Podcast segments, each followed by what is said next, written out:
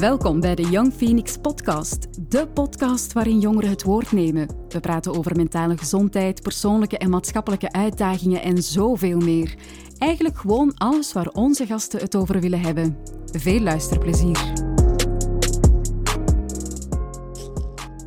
Hallo allemaal, ik ben Nina Maat. Ik ben vandaag jullie presentator voor Young Phoenix, want wij hebben hier een speciale gast aan tafel. Josse, Josse, wil jij jezelf voorstellen? Uh, ja, zeker. Ik ben Josse, ik ben 14 jaar, ik woon in Antwerpen en ik skate. En dat is het ook een beetje. dat omvat alles eigenlijk. Ja, dat is het gewoon. Oké, en Josse, vertel eens, waarom zit jij hier?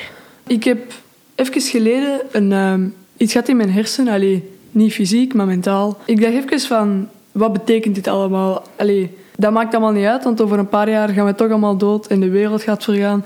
Dat dacht ik al de hele tijd. En daar was ik, ik, ja, ik dacht dat gewoon de hele tijd. En dan zat ik gewoon vast. Ik kon ook niet zoveel meer doen. Oh, wauw, dat klinkt best zwaar. Hoe, hoe ben je ineens aan die gedachten gekomen? Weet je dat nog? Uh, ja, ik heb een film, elk een programma, een serie gezien. Mm The 100. En dat waren elk mensen die niet meer op de aarde konden leven. En die zijn in een ruimteschip gegaan. En um, daar alle gevangenen hebben ze terug naar de aarde gestuurd om te kijken of het eh, leerbaar was. Mm En in de eerste of tweede aflevering, ik weet niet meer, daar wordt de vader van een kind vermoord, maar niet met bloed of zo. Die wordt gewoon weggegaan in de, uh, weggelaten in de ruimte. Mm En daardoor zie je, zie je eigenlijk heel goed de blik van dat meisje, haar ogen en hoe, hoe, dat is. En daar dacht ik meteen, had ik de klik gemaakt van, ah ja, dat maakt eigenlijk allemaal niks uit of dat we nu doodgaan of niet. Oké. Dus wow, oké. Je hebt even een, eh, een, gevoelige snade bij mij geraakt. Dus ik neem aan dat het bij jou op dat moment ook heel hard is aangekomen. Hoe voelde je? Kan je omschrijven hoe je in die periode voelde na het zien van die film? Ja, ik weet niet. Slapjes en lui. Mhm. Want ik wilde niks doen, want ik had toch geen zin. En het maakte toch allemaal niks uit, volgens mijn idee. Ja, en dan nu met corona heeft dat misschien nog een extra sterk effect gehad? Of heeft dat ja, niet veel... ik heb het ook heel kort gehad. Ja. Want daarna... Ik heb heel veel gebabbeld met mijn ouders. Mhm. En dan is het ook weggegaan. Maar ik heb zo soms, als ik nog probeer te slapen... en ik aan niks kan denken, dan denk ik daar nog vaak aan. Ah, oei.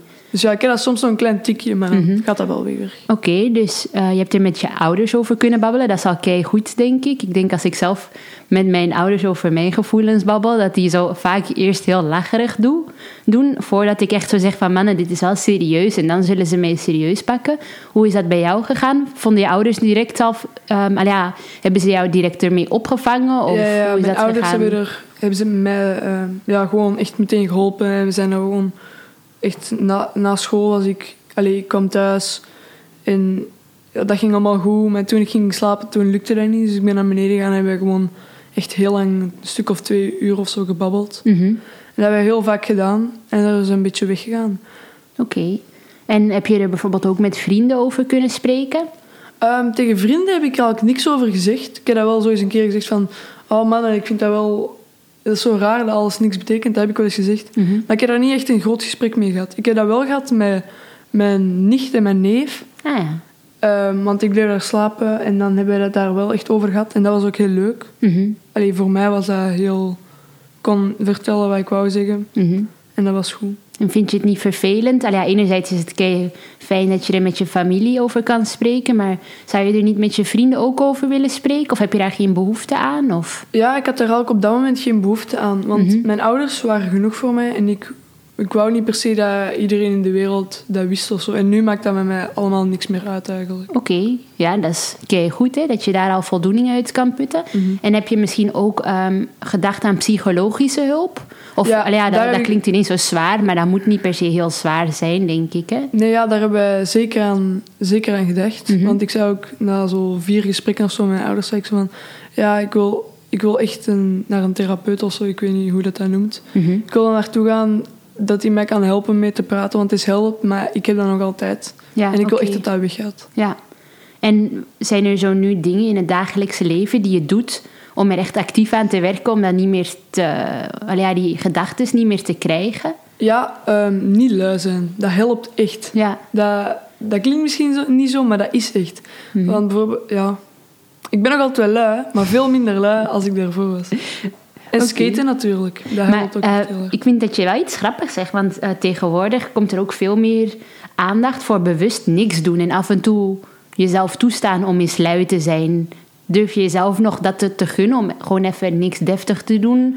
Of ben je dan bang dat het terugkomt, Nee, die nee. gedachte? Ik ben niet bang dat het terugkomt, maar allee, ik kan nu ook wel een heel dag niks doen. Dat maakt mij nu niet zoveel uit. Mhm. Maar ik voel gewoon op dat moment... Ik had, zelfs geen, ik had geen zin om te eten, maar toch deed ik het.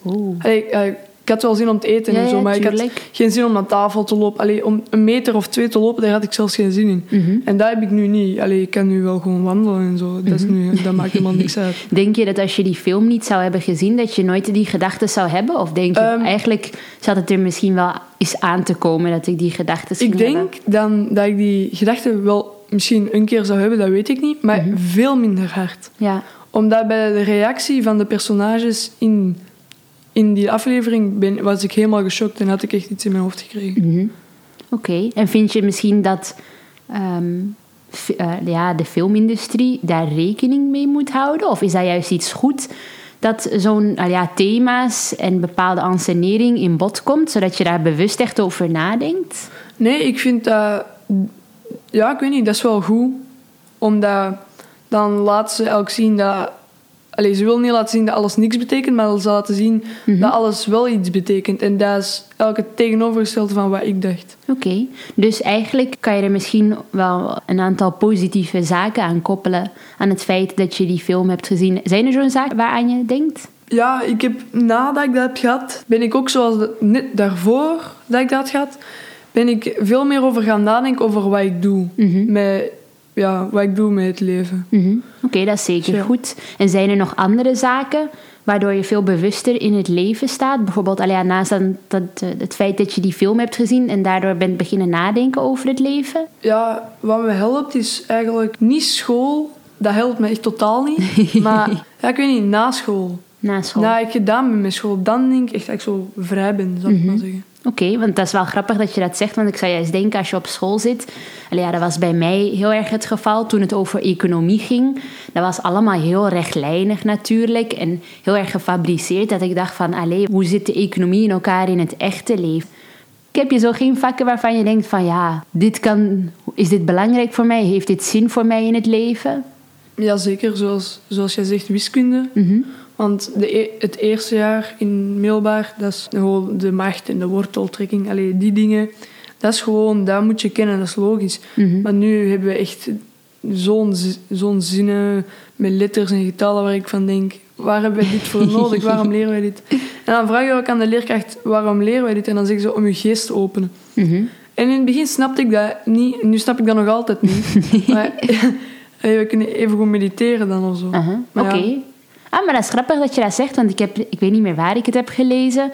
Dat, eh, ik weet niet, een land of zo daar wel op ging inzetten door ook meditatielessen te geven aan de leerlingen. Om, ja, dat is eigenlijk een soort ander, een, iets anders dat je leert en ook een andere leervorm, denk ik. Zou dat iets zijn voor hier in België, denk je? Zo af en toe een momentje nemen tijdens de lessen om te mediteren? Ik denk niet tijdens de lessen. dat denk ik niet. Ik denk dat je dat eerder gewoon zelf thuis moet doen als je dat wilt doen. Ja, ik ga dat nu niet doen. Ik ga dat ook niet tijdens de lessen doen. Omdat je dat moet opletten. Maar eh, ja, Of als pauze, zo even vijf minuten mediteren? nee. Nee, ook nee, dat, niet? nee, daar zou ik ook echt niet aan denken. Oké, dus we hebben het nu net over, ja, over school gehad. Of, of je daar nadenkt over de, het zin van het leven. Ik zou ook denken, hè, je, hebt gezegd dat je ook skate. Eh, ik ken de skatecultuur niet, maar er zijn altijd voor mij precies coole jongens die zo uh, skaten, maar ook gewoon rondhangen. En, en ja, soms, ik weet het niet, hè, misschien filosoferen over het leven. Ik weet niet of dat, dat iets met skaters te maken heeft. Dat weet ik echt niet. Ik zou ook gewoon de algemene jongerencultuur denken. Dat je gewoon samenkomt met vrienden en je afvraagt van... Ja, wat is het leven? Of iets dat er in het nieuws is gebeurd. Ik weet niet, ik zeg maar iets oorlogen of... Ja, ik denk daar wel aan. Maar ik weet niet of de andere mensen daar aan denken. Want ik denk dat andere mensen dan... Allee, andere mensen beseffen dat wel natuurlijk. Maar denk dat ik dat meer had, omdat ik die film had gezien. Dat ik meer besefte van... Wat doen wij hier eigenlijk? Wij- zitten hier te skaten. Wij kunnen evengoed heel de tijd studeren. Dat wij alles tien op tien hebben. Dat wij echt goed werk kunnen halen. Goed geld verdienen. En dan kunnen we echt een leven opbouwen. Maar dat, dat dacht ik op dat moment. Wat ik nu op dit moment denk, is dat, dat het allemaal niet uitmaakt of dat je veel geld hebt of weinig geld. Je moet gewoon leven hoe dat je wilt leven. En dan, op dat moment maakt dat niet uit. Je moet gewoon doen waar je zin in hebt. Ja, dat is grappig eigenlijk, omdat je op school um, word je eigenlijk klaargestoomd voor het leven en goede punten halen, goed werken, en, zodat je goed kan leven. Terwijl misschien wat je nu zegt, inderdaad, dat het misschien toch iets minder uitmaakt. Dat komt precies iets minder aan bod. Dus bijvoorbeeld, zeg maar, echt genieten van het leven of inzetten op vriendschappen of spiritualiteit, dat komt minder aan bod. En dan moet je nu dus eigenlijk in je vrije tijd een beetje zien in te vullen om daarover na te denken. Um, goh ja, wat is misschien het belangrijkste wat je in, in deze korte periode hebt geleerd? Nadenken van wat je doet. Mhm. Want ja, zoals ik, dat, zoals ik al veel heb gezegd, dat ik dan lui ben. Maar nu denk ik over alles na wat ik doe. Van, is dat nuttig? Kan je dat gebruiken? Daar heb ik daar wel van geleerd. En dat is handig, maar dat heeft ook wel zijn nadelen. Oké, en het was ook wel een zware periode. Heb je je er ooit voor geschaamd? Ja, in het begin wou ik dat wel privé houden. Ik wou dat nog niet tegen mijn ouders zeggen. Mm Na een paar dagen heb ik dat gezegd tegen mijn ouders.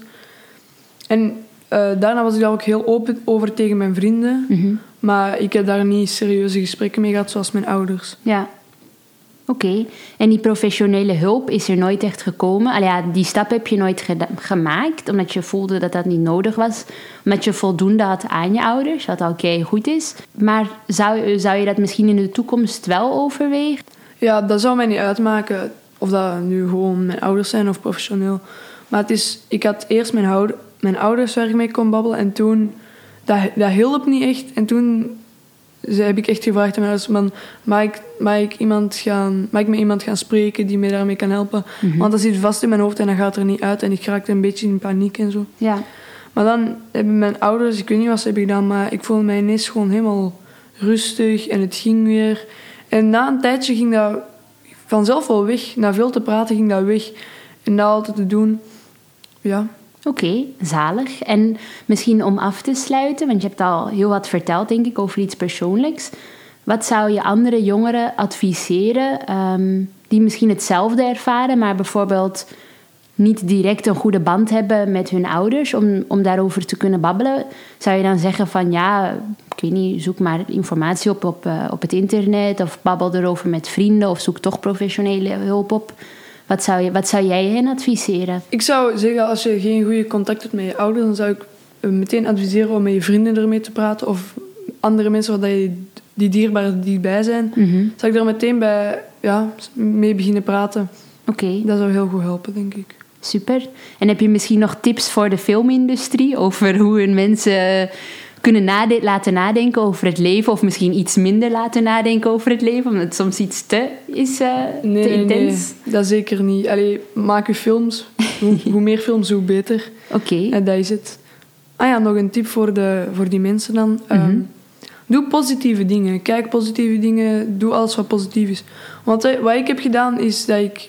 Ik ging eigenlijk alleen maar negatieve dingen doen ik keek na, na die serie, want ja, ik kijk ook natuurlijk tv, dat doet elke mens. Mhm. Dan ging ik wat meer negatieve dingen kijken, wat negatievere films. Kan je een concrete voorbeelden geven van negatievere dingen? Ehm, ik zou het echt niet weten. Of positieve dingen die je ja, probeert te doen? Wat ik meteen heb gedaan, na, um, nadat ik die aflevering heb gekeken, mhm. heb, ben ik zo slechte dingen beginnen kijken. En daarna, toen ik wist, toen ik met mijn ouders heb gepraat, dat ik toen wist ik ineens van, oh, wat doe ik? Ik moet echt positieve dingen beginnen te kijken. Ja. En dan heb ik al meteen, dat klinkt dus heel stom, maar ik heb meteen de film Cars gezien.